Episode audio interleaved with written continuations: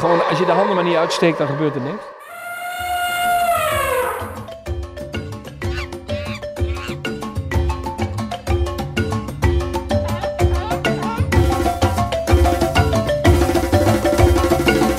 Van harte welkom bij Zoo Inside, de enige echte Nederlandse dierentuinpodcast. Mijn naam is Adriaan en ik sta hier met de enige echte Harm op een zonovergroot terras in Diergaarde Blijdorp. Ja, het is een prachtige dag vandaag. Het is, eh, vannacht heeft het gevroren, maar eh, inmiddels schijnt de zon en is het heerlijk winterweer om eh, een dagje Blijdorp te doen. In deze uitzending ja, hebben we wat nieuws over de vrienden van Blijdorp. We zijn daar bij de lezing geweest over het nieuwe Flamingo gebied en er is wat dierentuinnieuws. En Mark is ook op stap geweest hè, in Münster. Ja, Mark is eh, naar Münster geweest en heeft daar gesproken met Henk Hiddink, de oud-directeur van eh, Dierenpark Emmen. Vriend van de show. Vriend van de show. En eh, hij runt daar een zeeleeuwentheater met een groep Californische zeeleeuwen. En Mark gaat in gesprek met hem. Nou, we hebben net de lezing van de Vrienden van Blijdorp gehad over het nieuwe Flamingo-verblijf. We staan hier op een zonovergroot eh, terras bij eh, het Oceanium. Het is lekker weer. Zeker, het is lekker weer. Het is ook best wel druk in Blijdorp eh, Zo, vandaag. ik eh, gok wel een mannetje of uh, 8.000, 9.000. Misschien wel, ja, zeker. Ja. Ik, la- ik las dat het in de Efteling ook topdrukte is. Het is echt de dag om lekker erop uit te gaan. Ja, en anderhalve week geleden was het helemaal druk in Blijdorp, want toen was de lerarenstaking, hè? En toen hadden ze echt, echt drukte, hè? Ja, dat was de drukste dag ooit volgens mij, hè? Ja, nou voor mij, als je het jubileumboek doorleest, dan kom je nog misschien drukkere dagen tegen, heel lang geleden. Misschien tientallen jaren geleden. Maar eh, omdat alle kinderen gratis waren die dag, kinderen tot en met 12 jaar, eh, was het eh, erg druk en waren er ruim 14.000 man binnen in Blijdorp. Denk je dat het nou nog financieel interessant is? Want een deel van je personeel, of deel van je bezoekers komt natuurlijk gratis binnen. Ik denk toch dat het interessant is, omdat je mensen trekt die normaal niet gekomen waren. En alle papa's en mama's moesten wel gewoon betalen. En, eh, en die kwamen natuurlijk wel in grote getalen. Ja, dat is zo. En het is natuurlijk m- gelijk mooie reclame. Zeker. hey, eh, net de lezing eh, gehad over de nieuwe Flamingo-verblijf. Dat ze hebben eigenlijk gezegd, het is geen nieuw verblijf. Het is een overkapping van het bestaande verblijf. Waarom kiezen ze hiervoor? Eh, klopt, omdat eh, ze kiezen hiervoor omdat eigenlijk het verblijf blijft intact. En het is een monumentaal verblijf waar ze eigenlijk niks aan mogen aanpassen. Dus ze zetten er wat bovenop. En dat is gewoon een, eh, een, een constructie van palen van de oude tramlijn in, in Rotterdam. En daarover een net. En dat komt ja, dus om de foyer heen. Of om, de, om het verblijf heen. Het wordt een foyer. Het wordt een, een foyer waar ook deels mogelijkheid is om even naar binnen te gaan. Ja, klopt. Eh, het uitkijkpunt blijft wel eh, eh, open, toegankelijk. Dus je kunt er met een deur naar binnen. En ja, daardoor krijg je niet het idee dat je naar een kooi staat te kijken. En dat je echt in de kooi staat. En wat ik niet wist, eh, flamingo's kunnen behoorlijk oud worden. Ja, dat was wel een leuk feitje. De oudste flamingo in Blijdorp wordt 60 jaar. Dus het zijn dieren die heel oud kunnen worden. Het oudste dier ooit in een dierentuin was ruim 80 jaar geworden. Dus ja, het, het zijn hele bijzondere dieren. Ja, en ik moet heel eerlijk zeggen dat ik aan het begin een beetje sceptisch eh, was. Ik dacht, ja, er komt er weer een, eh, een overnet gedeelte in Blijdorp. Maar ze gaan met heel erg transparant netwerken. Dus eh, ja, ik ben op zich wel enthousiast. Ik ben ook enthousiast en eh, tijdens de lezing werden ook echt heel veel argumenten genoemd waarom je zo'n foyer moet bouwen. En eh, nou, dat is het volgende eigenlijk. het leewieken is verboden sinds vorig jaar. Leg even uit wat het leeuwieke is. Ik zal het even uitleggen. Leeuwiken is een klein stukje van de vleugel amputeren als het ware. Dat deden ze als kuikentjes één dag oud waren. Dan knipten ze een klein stukje van het vleugeltje af. Nou, dat was nog niet ontwikkeld. Eh, pijnloos. Maar op latere leeftijd kunnen de flamingo's daardoor niet meer vliegen. En eh, nou, dat is verboden sinds vorig jaar in Nederland. Nou, dierentuinen zijn er best wel blij mee, want het is goed voor het welzijn van dieren. Maar dat betekent wel dat je dus al die open verblijven voor flamingo's eh, moet over, overnetten. Omdat anders de jonge flamingo's die nu geboren worden wegvliegen. En uh, dus daarom moet het, moet het overnet worden hè, om die soort te behouden. Want als je het niet overnet, betekent dat je ja, je flamingo's wegvliegen. daarnaast blijft ook best wel veel last van vossen. En ehm, die vossen eten de eieren op van de flamingo's. En daarom wordt er in Blijdorp al een tijdje niet meer gefokt met flamingo's. En uh, dus het is ook heel belangrijk dat er een net om me heen komt. Zodat die vossen niet meer in het verblijf kunnen. En, dat de flamingo's gewoon ongestoord uh, kunnen broeden. Ja, en de tijdlijn uh, is afgelopen week is, als het goed is, een laatste vergadering geweest van de monumentencommissie van uh, de gemeente Rotterdam. dan wordt er als het goed is groen licht gegeven. Misschien is er inmiddels dus al groen licht gegeven. En dan willen ze in januari gaan beginnen met de bouw. En dan ja, zal het zo een beetje tegen mei hopelijk wel klaar zijn. Precies. En uh, de bedoeling is ook dat het hele plein voor het verblijf gaat ook helemaal op de schop. Uh, want ze moeten alle leidingen aanpassen. Dus ook het hele plein voor de gelada's, flamingo's gaat nog helemaal op de strop. Dus ik hoop dat we dat ook nog een beetje leuk opnieuw inrichten. Ja, want uh, ze hebben daar last van als het veel regent dat het dan onder water komt te staan. En Blijdorp heeft, ja, omdat het in een polder gebouwd is, heeft het wat last van verzakkingen. Dus het wordt dan met wat steviger fundament gelegd. Werd in de zaal ook gevraagd van, ja, is het flamingo-verblijf straks ook te combineren met andere vogelsoorten? Ja, werd gevraagd en er uh, was, kwam een goed antwoord op. Uh, de foyer is zeker uh, te combineren en te gebruiken voor andere vogelsoorten. Ze zitten alleen een beetje met het binnenverblijf. Die is natuurlijk niet heel erg groot en is vooral bestemd voor de flamingo's. Dus dat zijn de hoofdbewoners. Dus er is nog een klein beetje ruimte over. Dus er komen wel wat andere soorten bij. Maar voor de reigers eten ook weer flamingo-eieren op, dus die kunnen er ook niet bij. Maar wat er wel bij kan zijn eenden. Dus er komen heel veel eendensoorten bij. Want ook die soorten ja, die lopen terug in aantallen in dierentuinen, omdat ze dus niet meer geleefd mogen worden. En vroeger had je natuurlijk die hele grote plassen in de tuinen. Hè? Ook in Blijdorp die grote plas waar helemaal vol zat met eenden. Maar ja, dat gaat ook een beetje over uh, nu. Ja, was er daar nog meer uh, te melden van de Flamingo-lezing? Nou ja, deze foyer stond al vier jaar lang op de planning. En uh, nou, door die monumentencommissie uh, duurde het heel Terwijl lang. Terwijl de meeuwen echt letterlijk over ons hoofd vliegen. Ja, ook daar hebben ze last van. Die kunnen straks ook niet meer in het Flamingo-verblijf.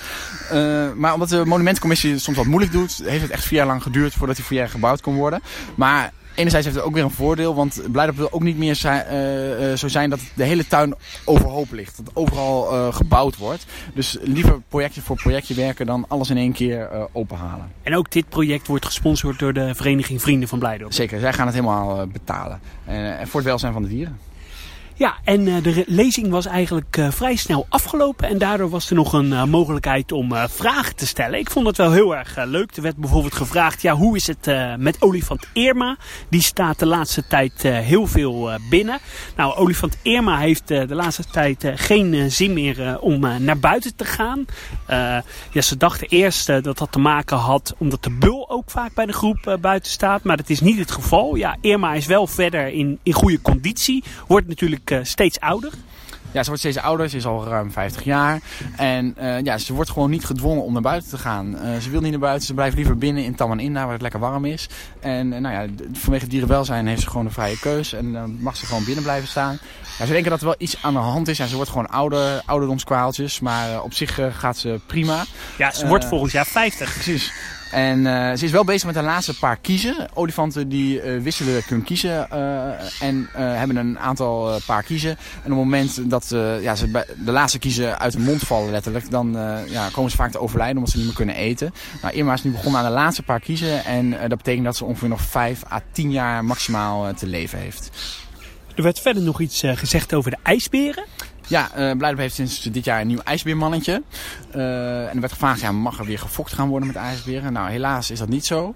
Er zijn een aantal dierentuinen in Frankrijk die willen gaan stoppen met ijsberen houden. Bijvoorbeeld La Flèche bijvoorbeeld. En die, ja, ijsberenverblijven liggen een beetje onder vuur. De ijsberen zijn dieren die veel grote afstanden afleggen in de natuur. Nou ja, en, en vooral in landen waar het warm is. Hè? In Frankrijk ja. kan het 30, 40 graden worden. Ja, hoe prettig is het daar om een ijsbeer te houden? Ja, klopt. Maar aan de andere kant, daar hebben verblijven ook weer een goede oplossing voor. Bijvoorbeeld in uh, Antibes hebben ze een uh, ijshol uh, voor die ijsberen.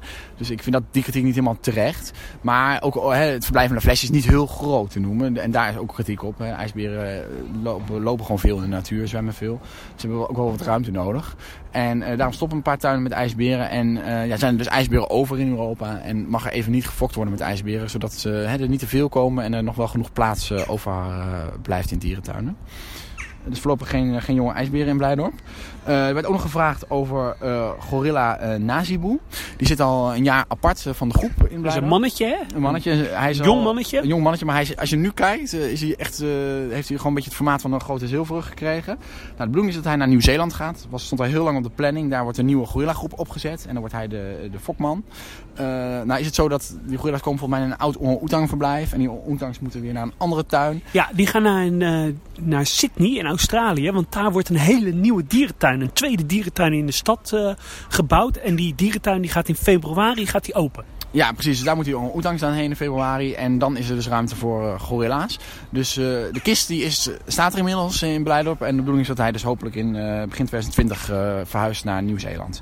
Ja, en nou zeggen mensen, ja, is het niet zielig dat hij daar een jaar alleen heeft gezeten, die gorilla? Ja, is misschien een beetje zo. Gorilla's is een sociaal dier. Maar ook in de natuur is het natuurlijk geen pretje voor een gorilla. Uh, en uh, ook dan worden de gorilla's verjaagd na enige tijd uit de groep. En moeten ze even zelf op pad en uh, weer nieuwe gorilla's zoeken. Ja, en kijk even het vooruitzicht wat hij heeft. Hij zit nu even alleen, maar hij gaat straks naar een prachtig verblijf in, het zon, in een zonnig gebied in Nieuw-Zeeland vol met leuke dames. Ja, ik had het wel geweten als ik puber was geweest. Precies, maar ja, we kunnen helaas niet praten tegen gorilla's. Dus, maar inderdaad, een mooi vooruitzicht voor die gorilla. En dan was er nog echt wat nieuws over het gierenverblijf. Hè? Het huidige gierenfoyer. Tien jaar geleden door de vrienden van Blijdorp geopend. Ja, die wordt helemaal opgeknapt. Uh, er komt een nieuw net, zodat er uh, geen uh, meeuwen en kraaien meer in het verblijf kunnen komen. Er komen nieuwe broedplekken. de vijver wordt helemaal schoongemaakt en gebaggerd. er komen nieuwe zitplekken, zitbomen voor de maraboes. en er wordt een nieuwe educatie aangebracht in de kijkhut. En dus ik, ik vind het heel goed dat Blijdorp eindelijk wat gaat doen aan onderhoud. Want dat miste ik wel een beetje in deze tuin. En nu gaan ze dat dus goed aanpakken bij de, bij de gierenfoyer. Ja, en de gierenfoyer was echt wel een beetje verwaarloosd. Hè? Je zag dat er tien jaar niks meer aan was gedaan. Het was heel goed dat die nu opgepakt wordt. Ja, terwijl het echt een hele mooie foyer is. En toen de tijd toen het gebouwd werd, best wel uniek in Europa. Ja. Ja, en komt er weer een nieuwe lezing aan van de Vrienden van Blijdorp? Zeker, er komen twee lezingen op 8 december en 12 januari. Uh, in die lezingen gaan, het, uh, gaat het, gaan ze het ook hebben over het masterplan 2030. Uh, als je naar die twee lezingen gaat, dan ben je helemaal op de hoogte van, van de toekomst van Blijdorp. Ja, volgens mij wordt dat meer de lezing van februari of maart, hè, wat ze zeiden. Dus het gaat een lezing in januari over een nieuwjaarslezing. En dan komt er een lezing aan nog over eilandgroepen en nog een masterplanlezing. Nou ja, Dacht ik hoor. Nou, en de, volgende, de volgende lezing gaat in ieder geval over het monumentale gedeelte van Blijdorp. En daar gaat natuurlijk ook dat masterplan heel erg over. Dus uh, als je wil meer wil weten over de toekomst van Blijdorp, ga vooral deze winter naar de lezingen. Als je lid wordt van de Vrienden van Blijdorp, krijg je ook nog gratis toegang op die, op die dagen dat die lezingen plaatsvinden in Blijdorp. Dan kun je daarna dus ook nog gewoon lekker de tuin in gaan. En dat gaan wij straks ook doen, want het is heerlijk weer. Uh, nog één puntje wat ook nog benoemd werd, is dat uh, over de Victoria-serre. die is in de Rivierahal, die, nou, de Rivierahal staat er best wel slecht bij. nou heeft Blijdorp een subsidie aanvraag gedaan uh, uh, voor, die, uh, voor, de, voor die vleugel aan de zijkant. Ja, dat is als je zeg maar met je neus naar de Rivierehal toestaat toestaat op het uh, voorplein aan de rechterkant waar de vogels in zitten. Precies, waar de neushoornvogels in zitten. En Blijf heeft daar een subsidieaanvraag gedaan van 11 miljoen euro om dat op te knappen. Uh, dus hopelijk uh, gaan externe partijen meebetalen aan het opknappen van die, van die kant. Want het is immers een rijksmonument. Een rijksmonument worden aangewezen voor heel Nederland om het erfgoed en cultuur te behouden. En ik denk ook dat het heel goed is als andere partijen hè, die dat bepalen dan ook mee gaan betalen aan het opknappen daarvan. Ja, ik ben wel benieuwd wat ze dan gaan doen. En of, of er dan misschien ook nog dierbiotoopjes inkomen? Nou, voor mij is eerder al gezegd in de vorige nieuwjaarslezing, want het, ja, daar word je dus al erg goed op de hoogte gehouden van Blijdorp. Uh, is gezegd dat ze gewoon, ze houden het een beetje zoals het nu is. Een tropische ruimte voor vogels en een lekker rustig plekje om te zitten. Ja. Nou, oké, okay, uh, dankjewel. Wij gaan uh, verder de dierentuin in. Doei doei. Dag. Ik ben hier momenteel te gast bij Henk Hidding in het Robbenhaven in de Zoo van Münster. En u bent hier de eigenaar van? Ja, dat klopt. Dat klopt. Ik heb het uh, uh, gekocht van uh, de zoon van de oprichter van het dolfinarium in Harderwijk. En die zoon die heeft dit jaren gerund. Aanvankelijk ook het dolfinarium in Harderwijk erbij. En later alleen het Delfinarium Münster, zoals het toen heette. En in 2012 hebben wij dat van hem overgenomen. Dat heb ik samen met mijn echtgenote toen gekocht. En uh, vanaf dat moment uh, zijn wij ermee verder gegaan. Hebben um, in 2013 afscheid genomen van de dolfijnen die er toen nog waren. En wij zijn toen verder gegaan met, uh, met zeeleeuwen. onder het thema Wir lieben saubere meren. Ehm, dus we houden van, van schone zeeën. En dat, dat draait allemaal rondom het thema plastic in de oceaan. Dat was toen het, het thema. Doen we nog veel aan trouwens. En u had hier toen in 2013 ook nog zo'n hele zeldzame dolfijn zitten, toch hè? Ja, tot en met 2011 was hier de Tukuxi. En uh, Tukuxi-dolfijnen, nou ja, die zijn bijvoorbeeld bekend van de, van de Marouane-rivier in, uh, en de, de monding van de Suriname-rivier. eigenlijk in verschillende riviermondingen in Zuid-Amerika.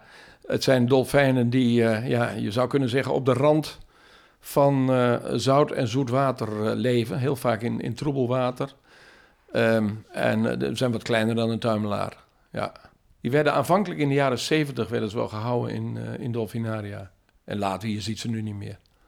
Nee, want in Duitsland is het sowieso vrij dun bezaaid hè, met dolfinariums of zeeleeuwentheaters, hè?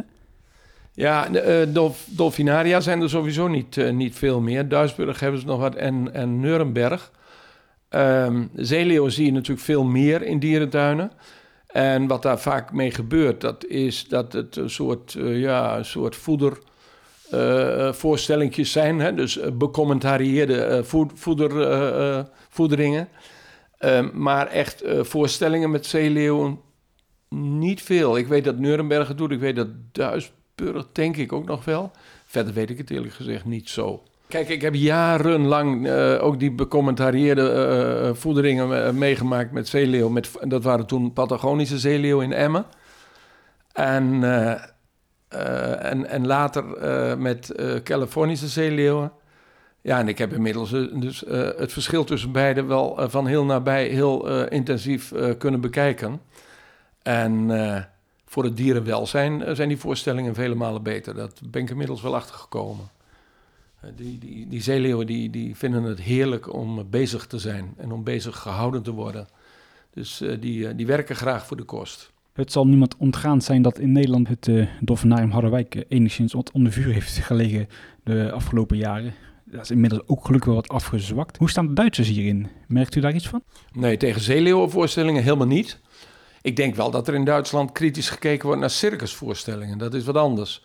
Kijk, als wij die zeeleeuwen hier door brandende hoppels lieten springen of zo, dan denk ik dat er wel bezwaar tegen kwam.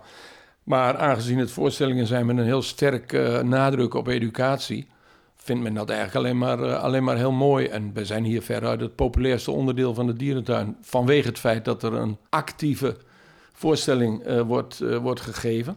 Ik heb ook nog nooit een woord van kritiek gehoord vanuit Duitsland. Niet vanuit actievoerders, niet vanuit de pers, helemaal niks.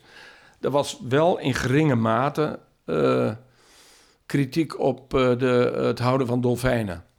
En ja, dat ging eigenlijk maar om één of twee mensen, maar die maakten wel heel veel lawaai, laat ik het zo zeggen. Maar echt, uh, in Duitsland is daar nauwelijks of geen bezwaar tegen. Nee, ik denk dat dierentuinen in Duitsland populairder zijn dan in Nederland. Oké, okay, dat vind ik een interessante opmerking. Kunt u die toelichten? Nou ja, de dichtheid van dierentuinen is in Duitsland gigantisch. Hè? Iedere uh, zichzelf respecterende stad heeft een dierentuin. En ik heb ook wel het gevoel dat het hier meer leeft dan in Nederland. Ik heb het gevoel dat het hier in Duitsland meer een beetje zo is zoals in Nederland uh, 20, 30 jaar geleden. In de zin van niet dat de dierentuinen allemaal zo ouderwets zijn, maar wel dat de instelling van de gemiddelde Duitser wat traditioneler is dan de gemiddelde Nederlander. En dat de gemiddelde Duitser dus ook echt vindt dat het bij de opvoeding van zijn kinderen hoort dat je ook naar de dierentuin gaat. Kunt u ons ook nog even mee terugnemen naar het beginsel van dit uh, toenmalige dolfinarium? In 1974 opgericht. Er is toen begonnen met een soort polyesterachtige constructie. Je zou zeggen een, een, een, een polyesterachtige tent, een rond gebouw, een soort Romney-loodsachtig gebouw. Het zag er op zich best redelijk uit, maar het was bouwkundig natuurlijk niet zo sterk. En het was ook helemaal niet geïsoleerd. Um, maar de gedachte was toen van, nou ja, dit, uh, dit doen we een jaar of tien en dan stopt dat weer. Maar het was uh, aanvankelijk toch wel behoorlijk succesvol. En uh, uiteindelijk uh, was die, die, die tijdelijke voorziening die was heel hard aan vervanging toe. In begin jaren negentig. Um, en toen is, zijn de plannen gemaakt om een om het uit te breiden, om het groter te maken. De gedachte begon toen ook te spelen van ja, als je dolfijnen wil houden uh, in de toekomst, dan zul je ook met dolfijnen moeten fokken. En uh, toen was het idee van nou, dan was er een uitgesproken opvatting over hoe dat dan uit moest zien. Alles inmiddels weer wat achterhaald natuurlijk, maar goed. Er is toen een nieuwe hal gebouwd. Met ook weer uh, verschillende bekkens erin, waterbekkens, allemaal ook vier meter diep. Met meer dan een miljoen liter zeewater.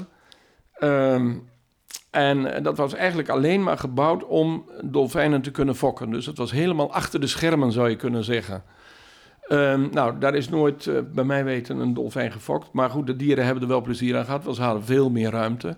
En veel meer afwisseling in hun verblijf. Dus in plaats van één vierkante bak met een paar, paar, paar separatiebekkens, was er toen opeens twee keer zoveel ruimte met, met, met een, een, een rond bekken en nog een rechthoekig bekken en een kanaal wat daardoor liep. Kortom, veel meer speelruimte. Um, dat was in 97 en toen is uh, de voorste hal, die oude polyesterhal zeg maar, de eerste hal, die is vervangen in uh, 2001. Dat is ook helemaal nieuw gebouwd. En het enige oude wat er nu nog is, dat is het, het oorspronkelijke uh, showbassin, dat zit er nog. De oorspronkelijke toiletten zijn er ook nog. Daar zijn we zo langzamerhand bijna trots op dat we die nog hebben. Helemaal vintage, hè? Het is, weer, in de, het is weer in de mode. Dat is en, uh, en voor een belangrijk gedeelte de oorspronkelijke tribunes. Uh, die zijn er ook nog. Die hadden al lang vervangen moeten zijn. Waren het niet dat de dierentuin besloten heeft om al die gebouwen van ons te kopen in uh, een aantal jaren geleden. Dus wij hebben die gebouwen allemaal overgedragen aan de dierentuin. En vervolgens heeft de dierentuin ons met de medewerkers en de dieren weer opnieuw ingehuurd op basis van een managementcontract. En daar, wij geven nu dus voorstellingen op basis van dat managementcontract. En we behouden dan uh, het recht, hebben we behouden om hier wat souvenirs te verkopen. En, en koffie en ijs en, en, en, en popcorn en zo.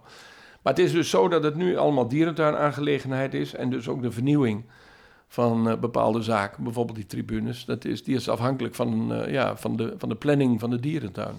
Ja, en uh, Münster Zoo die heeft natuurlijk laatst zijn uh, masterplan gepresenteerd. Blijft dit Robbenhagen bestaan in de huidige opzet of zal dit op termijn gaan verdwijnen? Nee, het blijft in de huidige opzet waarschijnlijk niet, uh, niet bestaan. Het zit wel in het, het zit niet in het huidige masterplan. Uh, dat masterplan wat ze nu hebben gepresenteerd, dat liep in theorie, dat zal wel een paar jaar uitloop krijgen, maar dat liep in theorie tot 2030. En uh, de vervanging van uh, al hetgeen hier is, die is voorzien dan in, na 2030.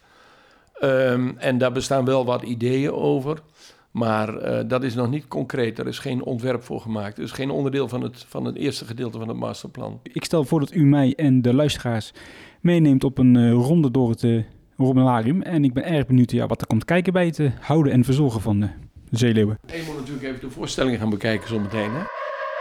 Wij staan uh, inmiddels in het Zeeleeuwentheater zelf. En ik zie een hoop zeeleeuwen zwemmen. Hoeveel heeft u er precies? We hebben er nu elf. Echt elf? Ja, er zijn twee uh, mannen. Twee betrekkelijk jonge mannen nog. Die zijn van 2011. Die zijn acht jaar oud, dus nog lang niet volgroeid. En uh, dan hebben we een, uh, even denken hoor, dan hebben we drie jonkies. Eén van vorig jaar en twee van dit jaar. En de rest zijn vrouwtjes van allemaal verschillende leeftijden. Waarvan de oudste 24 is geloof ik en de jongste van 2014, dus die is nu vijf. Zijn het lastig dieren om mee te werken? Nee, ze zijn niet lastig. Ehm, de een is wel lastiger dan de ander. Ze zijn niet gelijk. Het zijn wel zeer individuele karakters. Uh, dus je moet, ze wel, uh, je moet ze wel een beetje kennen om, uh, om, om, om te weten hoe, je met de een en hoe je met de andere moet omgaan. Ehm, maar ze zijn niet echt lastig. En ze vinden het hartstikke leuk om te werken. Dus dat, dat maakt het wel heel grappig. ze doen niks liever dan met je bezig zijn. Kunt u ons in het kort vertellen hoe u begint met het trainen van de zeeleeuw? De zeeleeuw die komt binnen of die wordt geboren. Hoe, hoe gaat het proces in zijn werking? Nou, het, het, allerbelangrijkste is dat ze eerst eens uh, uh, jou gaan associëren met vis. en dat ze dus dat ze weten dat als ze vis willen hebben, dat ze, dat ze dan bij jou moeten zijn. Dat jij degene bent die, die voert. Wij gooien nooit vis in het water of smijten een emmer vis over de rand. Iedere zeeleeuw wordt individueel gevoerd. Ze worden ook elke week gewogen. En voor iedere zeeleeuw individueel wordt ook elke dag een portie vis klaargemaakt. Dus de een die krijgt 6 kilo en de andere 5,5 en weer een ander krijgt... Dat, dat wordt voor iedere zeeleeuw dus apart gedaan. Ze hebben allemaal een naam en die naam die kennen ze ook. En die naam die hebben ze op twee manieren. In de eerste plaats natuurlijk de naam gewoon zoals je hem uitspreekt. Hè? Dus ik zeg Janne of Situ. Of, hè, dat zijn dan de mannetjes of Melissa of wat dan ook. Die, die namen kennen ze. En verder hebben ze ook een naamteken. Dus iedere zeeleeuw heeft ook een vorm. En dat is een, zeg maar een visuele naam. En die kennen ze ook. Die kunnen ze dus allemaal onderscheiden. Nou, als je één keer zo ver bent dat zo'n zeeleeuw uh, uh, zijn eigen naam kent. En dan ben je dus in staat om als ze in zo'n groep bij elkaar uh, zwemmen om er één te roepen, om die eruit te halen, om die apart te nemen.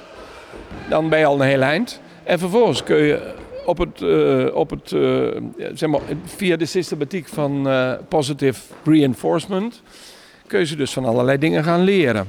En die systematiek komt erop neer dat je datgene wat je wenst, dat je dat beloont. En datgene wat je niet wenst, dat je dat negeert. En dat leren ze. Ze zijn ongelooflijk slim, dus ze leren heel erg snel. En wij, wij gebruiken dan ook nog target training. Dus we wennen ze aan een target, zodat we met een target ook meer aanwijzingen kunnen geven. Want dat maakt het natuurlijk een stuk makkelijker. Als je een zeeleeuw in het water wilt laten springen, dan is het wat onhandig als je zelf te water moet gaan en voor te springen. Bovendien zou me dat niet lukken, maar met een target gaat dat een stuk makkelijker. En, uh, en kun je ze ook salto's. Ja, fijn, je kunt ze eigenlijk, in wezen kun je ze alles leren. En in de, in de dagelijkse training gebruiken we twee soorten targets, zou je kunnen zeggen. De ene is je hand. En het andere is een target, een, een verlengde, hè, een verlengstuk van je hand. Dus aan een, een, bolletje op een stok bijvoorbeeld. En zodat je arm opeens twee of drie meter langer wordt.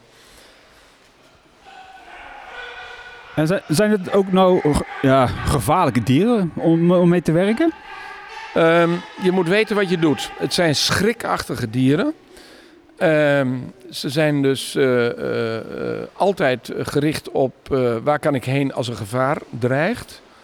En als er gevaar dreigt, dan vluchten ze in het water.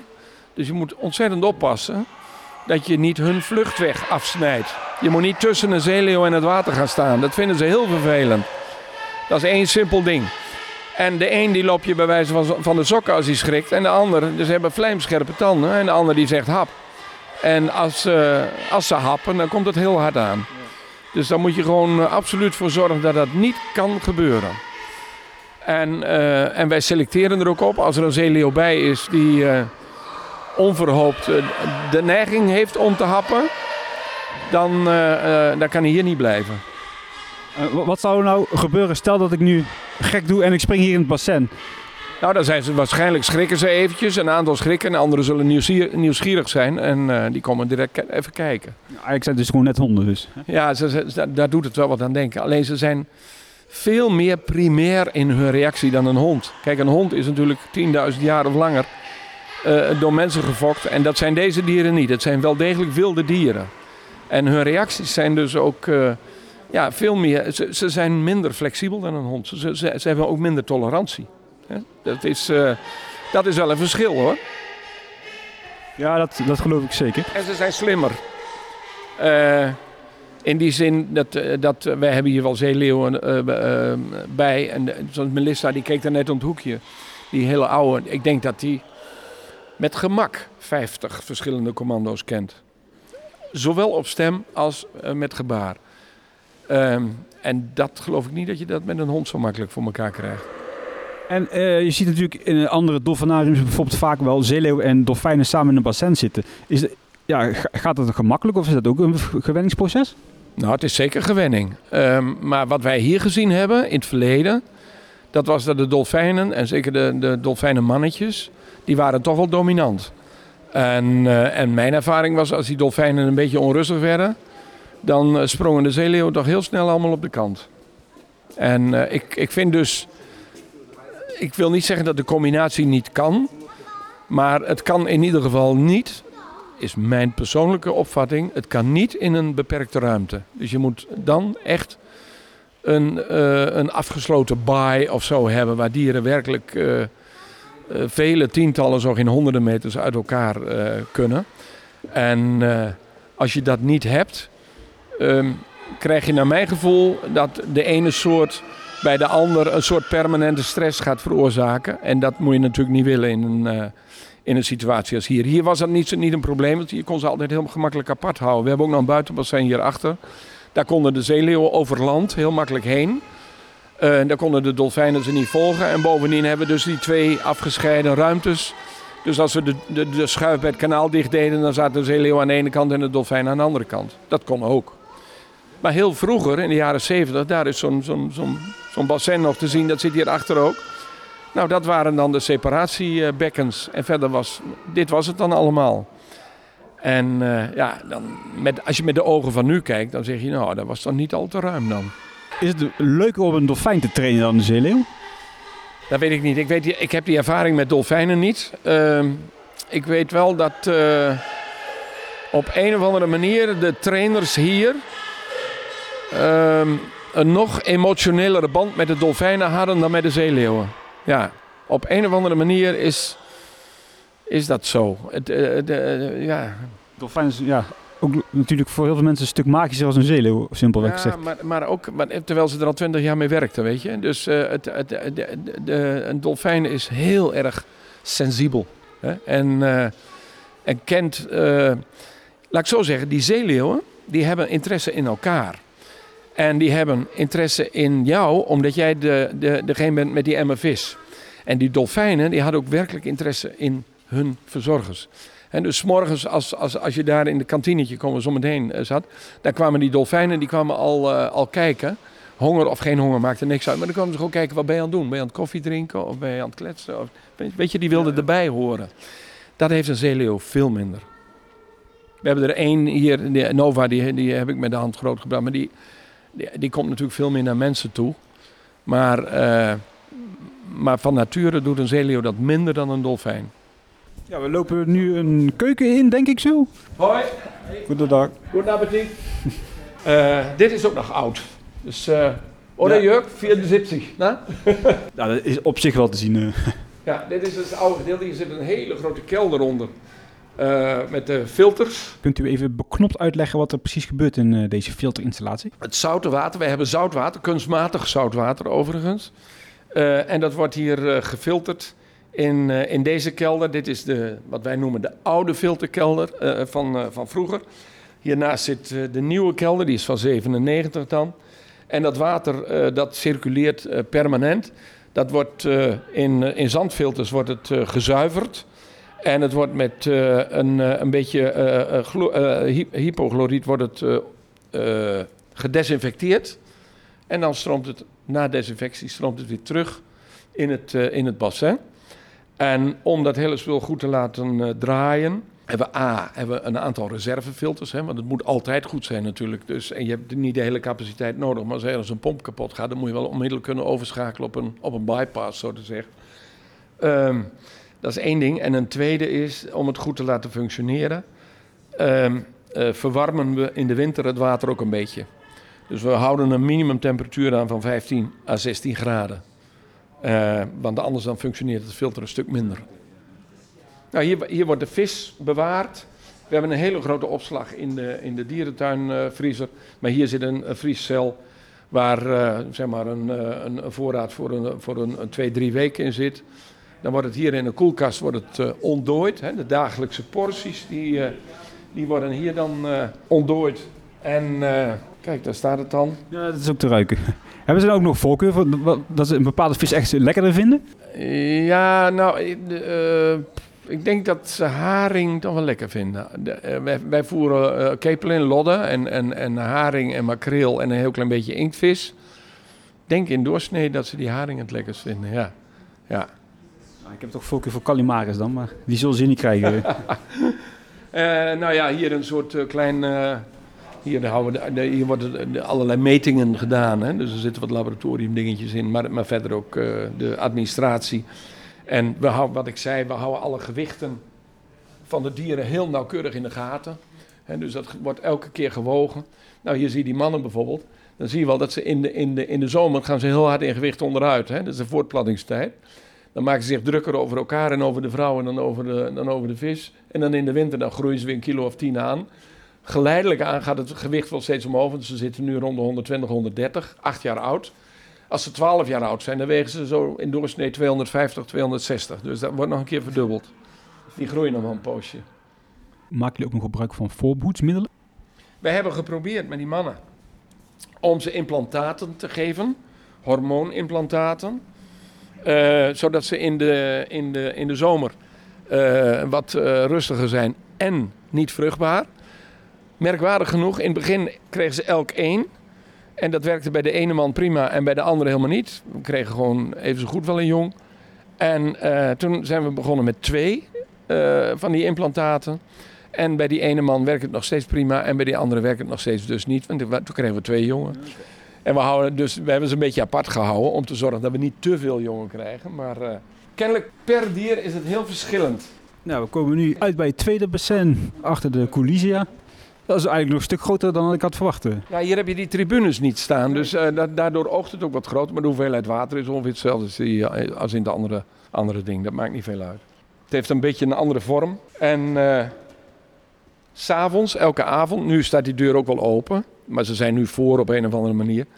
Omdat ze het daar gezelliger vinden kennelijk. Maar eh, eh, het, is, eh, het is zo dat de dieren in principe vrije keuze hebben. Dus ze maken zelf uit, gaan we hier, gaan we daar. Je ziet wel dat ze heel sterk de neiging hebben om altijd gezamenlijk te slapen. Dus dan zoeken ze elkaar wel op. Oh, daar komt er iets aan. Het is een zeeleeuw. Ja. Hoi, ik ben Mark en hoe heet jij? Dat is, die is dus vrij tam. Hoi. Nou, kom maar, doe maar. Jo. Ach, meisje toch. Ben een beetje verlegen, hè? Ben een beetje verlegen. ja. Die lift die is nog van de dolfijnen. Daar konden dolfijnen mee omhoog en naar beneden. Ja, wat zou ik hier verder van zeggen? Het is allemaal vier meter diep. En daar zie je dus eh, zout. Dat wordt elke dag eh, wordt het weer zout aangevuld. Want wat gebeurt er namelijk? Als je terugspoelt, het filter, dan wordt dat geloosd op het riool. En dan moet je dus aanvullen. Dat gebeurt in principe met bedrijfswater, met zoet water. En dan moet dat dus ook weer gezouten worden. En daarvoor hebben we dan die zoutvoorraad hier. Wij staan hier natuurlijk nu voor een rechthoekig bassin en ja, daar verderop ligt natuurlijk een rond bassin. Zit daar nog een bepaalde reden achter dat er twee verschillende vormen zijn toegepast? Ooit was het ronde bassin was bedoeld voor dolfijnen. Want de gedachte was, als een dolfijn een jong krijgt... dan moet die moeder met het jong, om het jong te kunnen zogen... moet die rondjes kunnen zwemmen. Dat was toen het idee. In hoeverre dat werkelijk eh, eh, klopt, betwijfel ik zeer. Want zo dom zijn dolfijnen ook weer niet. Maar het is wel zo dat, dat er toen allerlei theorieën over waren... over hoe je dat zou moeten doen. Inmiddels lijkt het er toch wel vooral op dat eh, de wijze waarop je ze houdt... En eh, de, de mate van, van eh, ook rust die die dieren hebben. Hè, dus eh, eh, geen stress. Dat dat eigenlijk het allerbelangrijkste is voor eh, een geslaagde fok van, eh, van dolfijnen. Oh, daar komt er weer iets aan. gezwom. Oh, die is wel iets groter zeg. Oeh, dat is wel redelijk actief hier hè? Heel vaak als je in een dierentuin komt, en dat is niet omdat ik kritiek heb op dierentuinen hoor, in zijn algemeen, daar gaat niet om. Maar heel vaak zie je in een dierentuin, als je bij de zeeleeuwen komt, dan liggen ze te slapen. Dat zie je heel vaak. En, eh, en dat is heel raar. Je ziet ze hier overdag nooit slapen. Gebeurt niet. Overdag zijn ze wakker. Maar als je nu zometeen om half vijf eh, eh, gaat, gaat de tent dicht in deze tijd van het jaar dan zijn ze een uurtje zijn ze ontzettend bezig. En een hele, hoop kabaal en, en, en gedoe en gespeel en gespetter. En dan gaan ze liggen en dan zijn ze stil. En dan is het misschien nog één keer per nacht of zo dat ze nog een beetje blaffen. Of dat er wat onrust is. Maar ze slapen de hele nacht door. Tot een uur of acht. ochtends, dan worden ze wakker. En, eh, en dan weten ze ook dat hier mensen komen. Maar die beginnen om half negen. En dan, nou, dan is de hele meute weer wakker en actief. En dat blijven ze ook de hele dag. Dat is heel apart. En dat heeft toch wel heel erg te maken met die. eh, ja, met de manier van houden. Met, met eh, het feit dat A. overdag die voorst- voorstellingen gegeven worden. En dat ze tussentijds ook getraind worden. En dat ze dus ook niet enorme bakken vis tegelijk krijgen. Maar ze krijgen gewoon over de dag krijgen ze hun vis. Wat naar mijn gevoel ook natuurlijker is. In het wild gaan ze ook op jacht. En dan zijn ze vaak toch wel de hele dag zijn ze bezig om kostje bij elkaar te scharrelen. eh, voordat ze weer terugkeren naar, eh, naar, eh, naar de kant en gaan liggen slapen. Ja, ik heb een leuk kijkje kunnen krijgen achter de schermen van het Robberwarium, waar ik jaar hartelijk wil bedanken. Graag gedaan. Leuk. Dank voor jullie bezoek.